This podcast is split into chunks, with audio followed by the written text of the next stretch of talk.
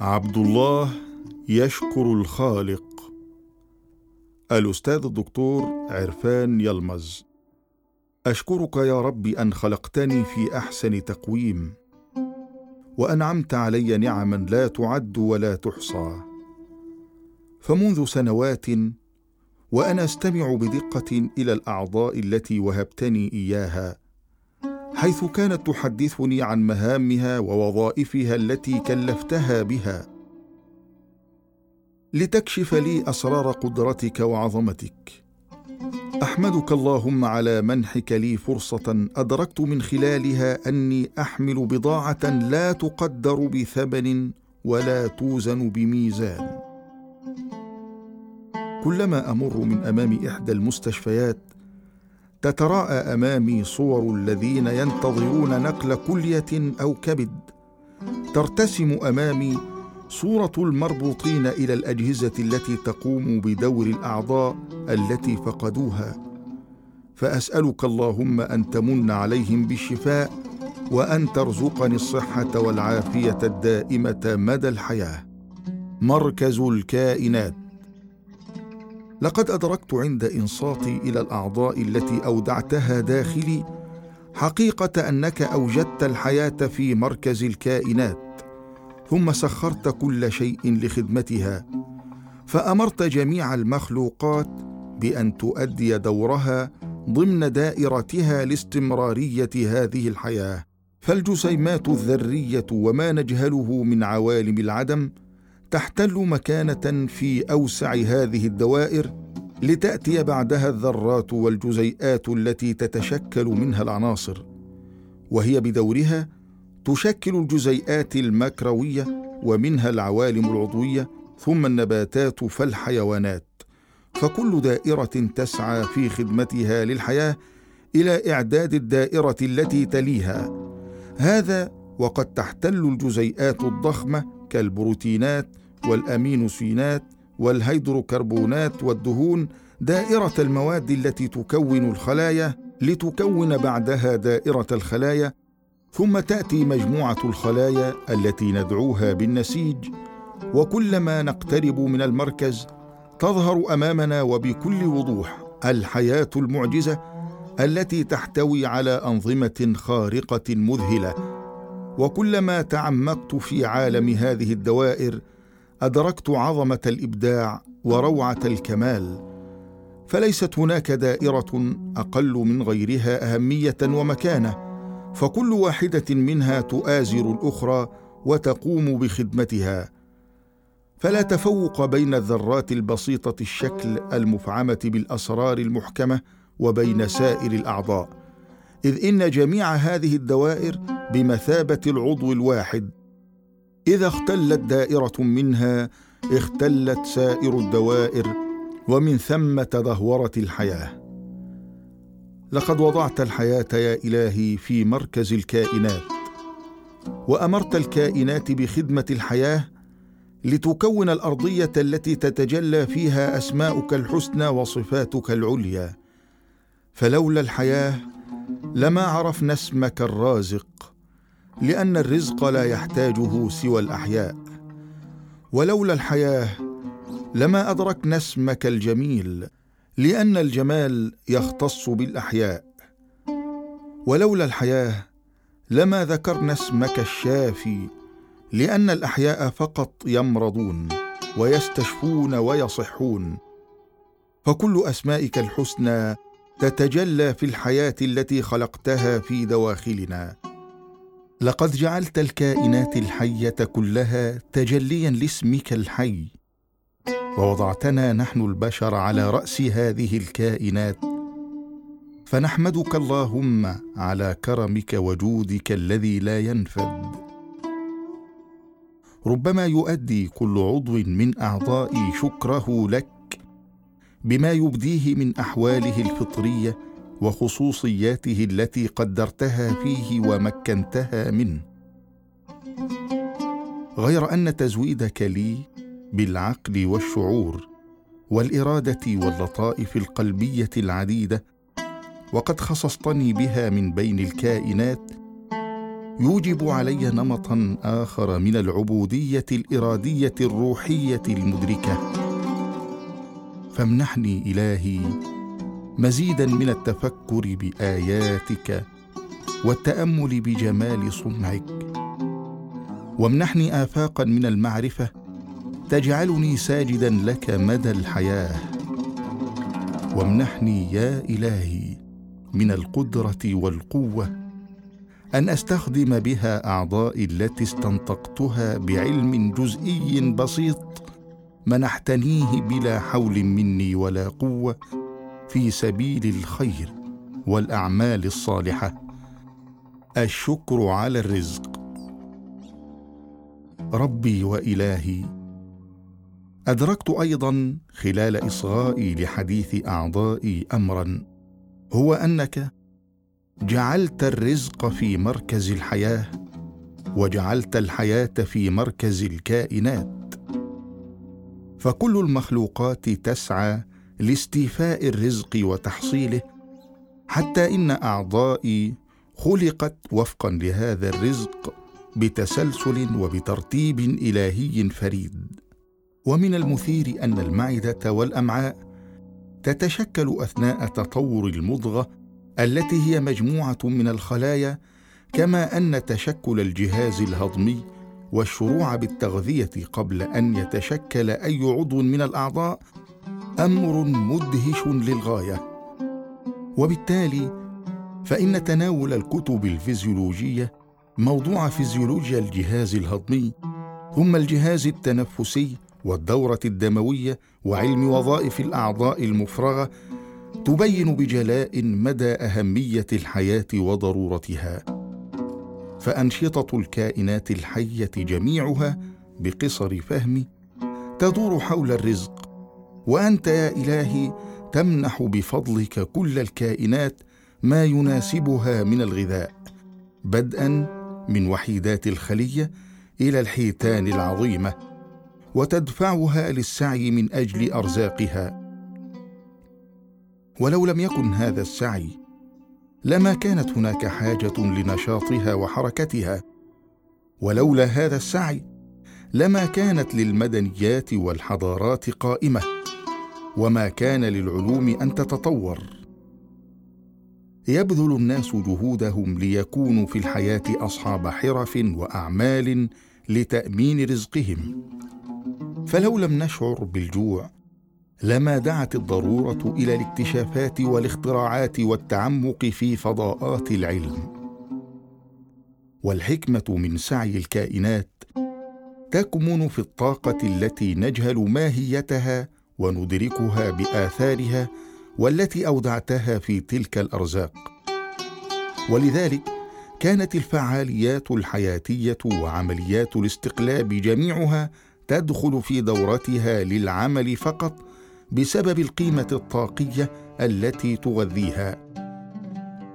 ولولا الطاقة المخزنة في مادة الغذاء لما عمل أي نظام.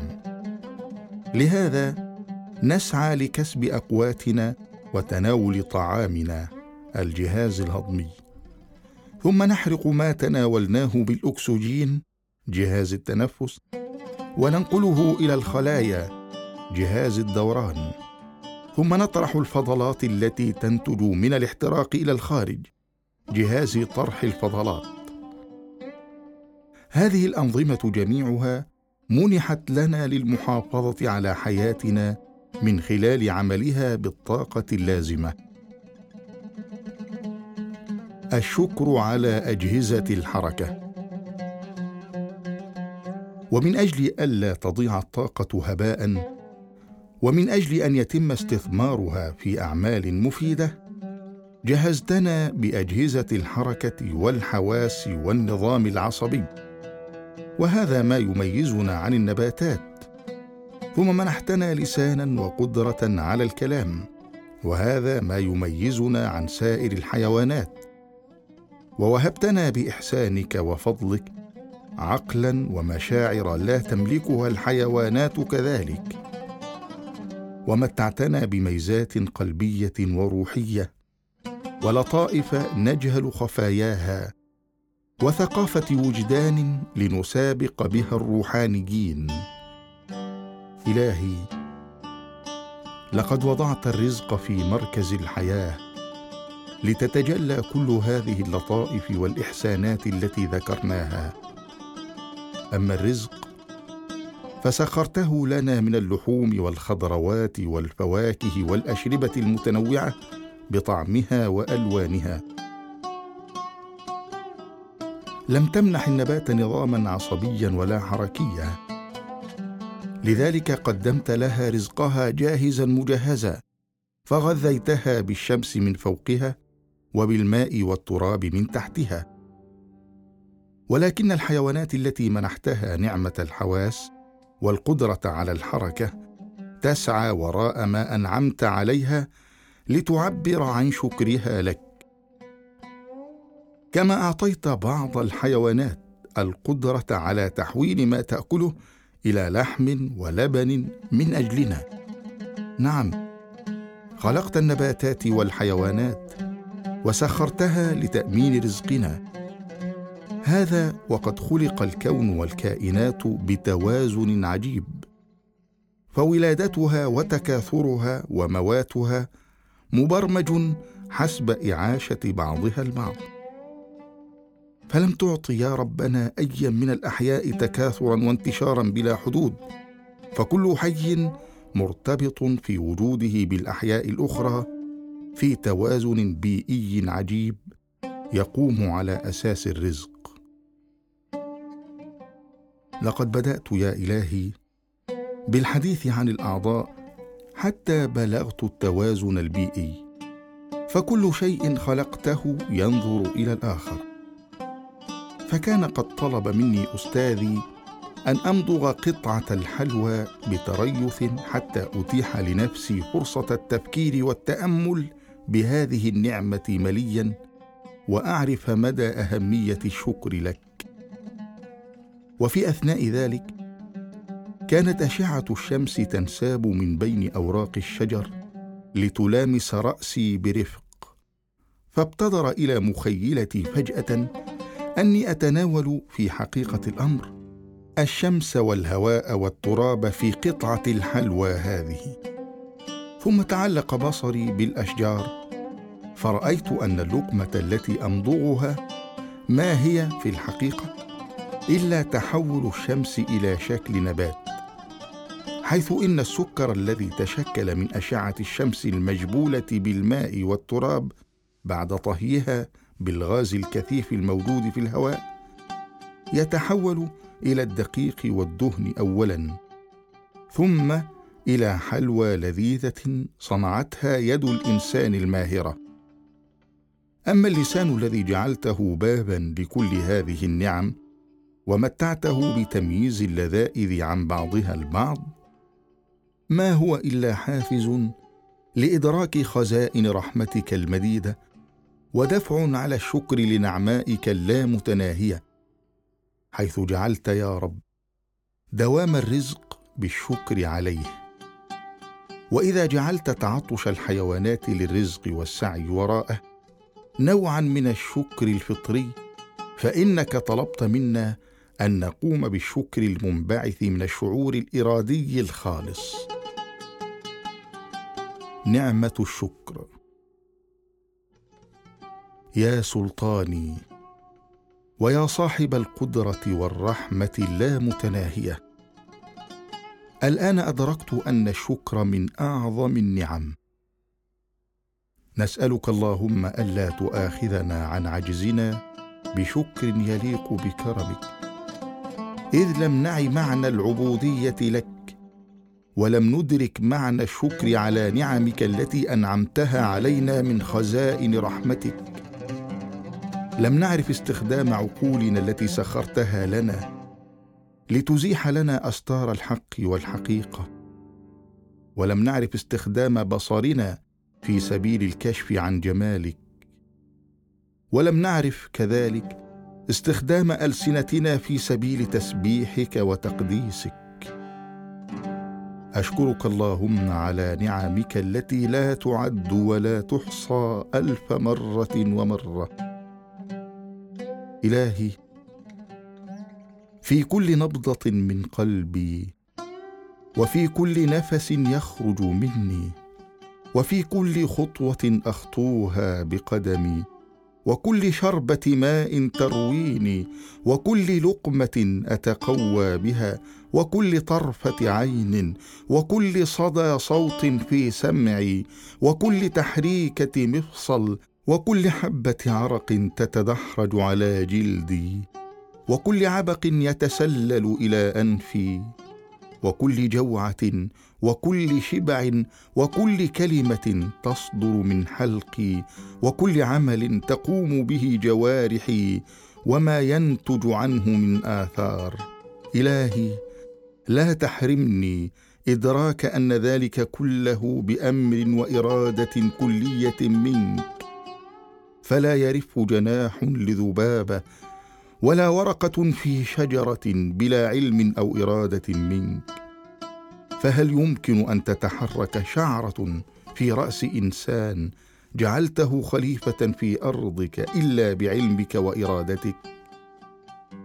لكننا في معظم الأحيان نغفل عن ذلك وننساك.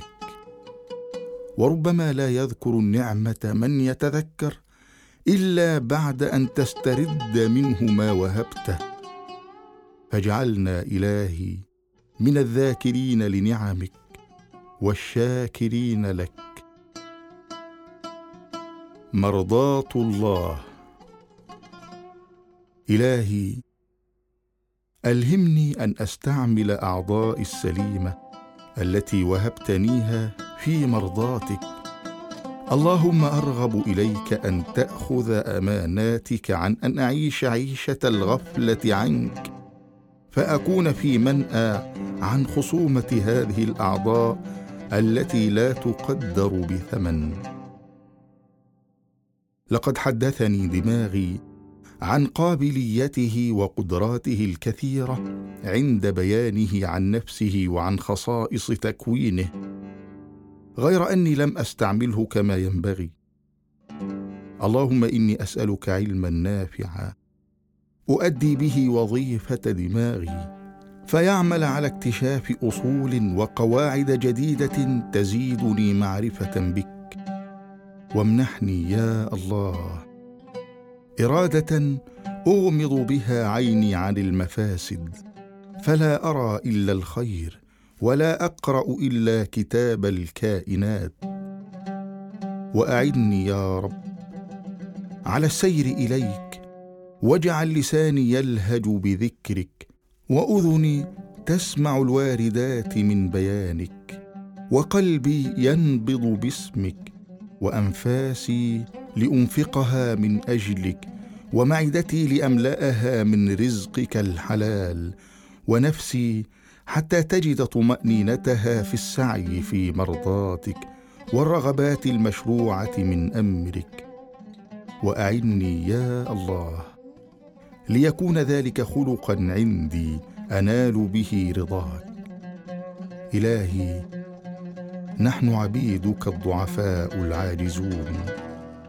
الملك ملكك تتصرف فيه كما تشاء. فتبتلي بعض عبيدك باسترداد بعض ما وهبتهم فامنحهم الهي الصبر. ولا تمتحنا بما لا نقدر عليه. وارزقنا التعرف على نعمك علينا قبل زوالها. وارزقنا الشكر عليها يا أرحم الراحمين.